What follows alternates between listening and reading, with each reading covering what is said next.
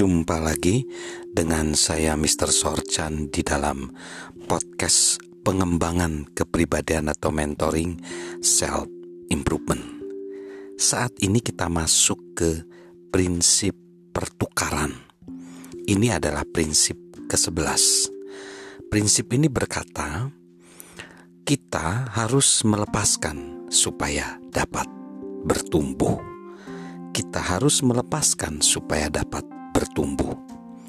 Eric Hoffer berkata demikian.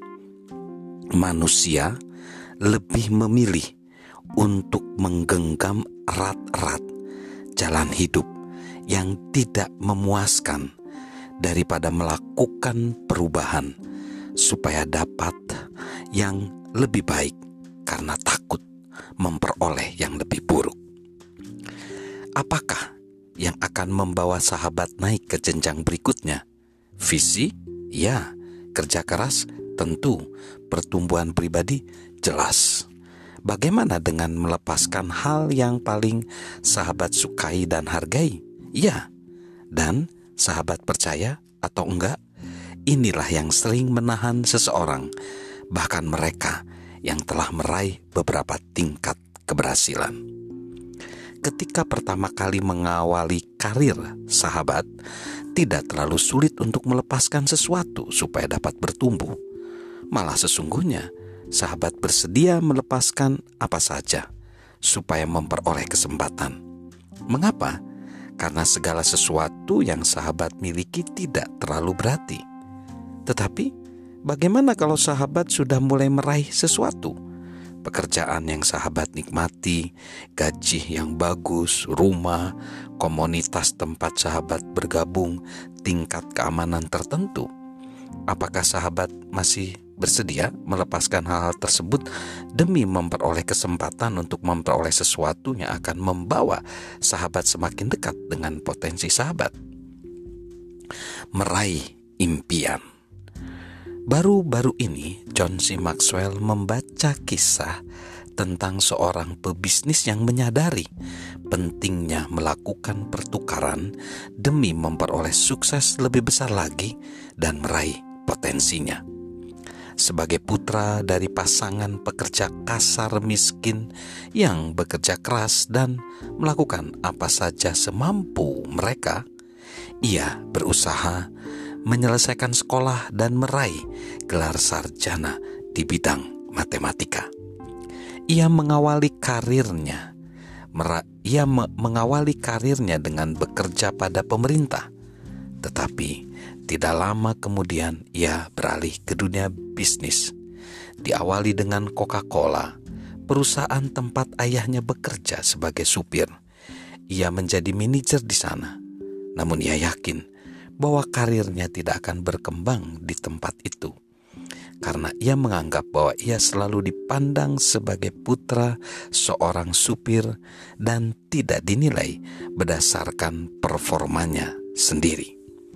Jadi, ketika ia memperoleh kesempatan untuk bekerja di kantor pusat perusahaan Pillsbury, ia langsung menerimanya dan pindah ke Minnesota atasannya di Pillsbury yang telah dikenalnya sebelumnya di Coca-Cola memberitahukan bahwa mereka tengah menghadapi suatu tantangan yang sulit. Dan bila mereka tidak berhasil, mungkin mereka harus mencari pekerjaan yang baru. Itu tidak membuatnya merasa takut. Saya selalu lebih termotivasi oleh kemungkinan untuk berhasil dibandingkan ketakutan pada gagal, jelasnya.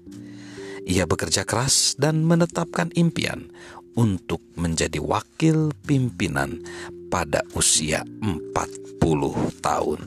Di Pillsbury, ia memulai dengan posisi sebagai seorang manajer. Tidak lama kemudian ia dipromosikan menjadi direktur grup, lalu direktur senior sistem informasi manajemen, dan akhirnya wakil pimpinan perusahaan di divisi sistem di mana selain tugas-tugas lain, ia mengawasi pembangunan kantor pusat dunia Pillsbury, sebuah kompleks perkantoran 40 lantai dengan menara kembar di jantung kota Minneapolis.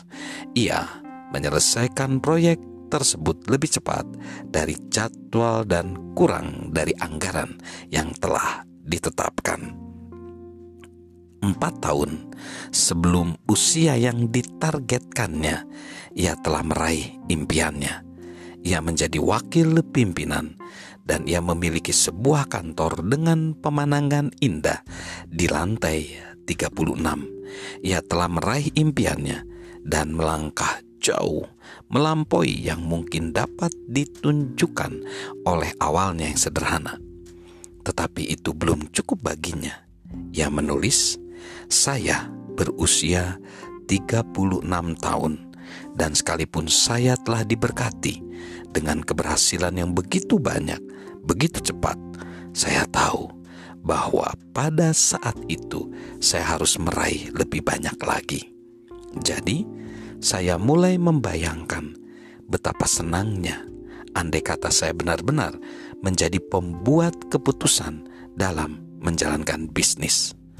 Setelah beberapa tahun menjabat sebagai wakil pimpinan yang sukses di divisi sistem dan layanan perusahaan Pillsbury, saya tahu bahwa saya harus bermimpi lebih besar lagi. Saya harus bermimpi menjadi pimpinan sesuatu bagi seseorang di suatu tempat. Jika ia bertahan di jalurnya dahulu, ia tidak akan pernah menjadi pimpinan Pillsbury. Masalahnya adalah bahwa sekalipun ia selalu berhasil dan mampu menangani semua tanggung jawab dengan sangat baik, ia tidak pernah memiliki tanggung jawab atas untung dan rugi di posisi mana pun. Apakah yang harus dilakukannya? bagaimana ia dapat mengejar impiannya. Kita akan lanjutkan di segmen berikutnya dari wakil pimpinan perusahaan menjadi tukang burger. Kita akan bahas tentang prinsip pertukaran di mana prinsip ini berkata kita harus melepaskan supaya dapat bertumbuh. Salam sukses luar biasa, salam sehat selalu dari saya, Mr. Sorchan.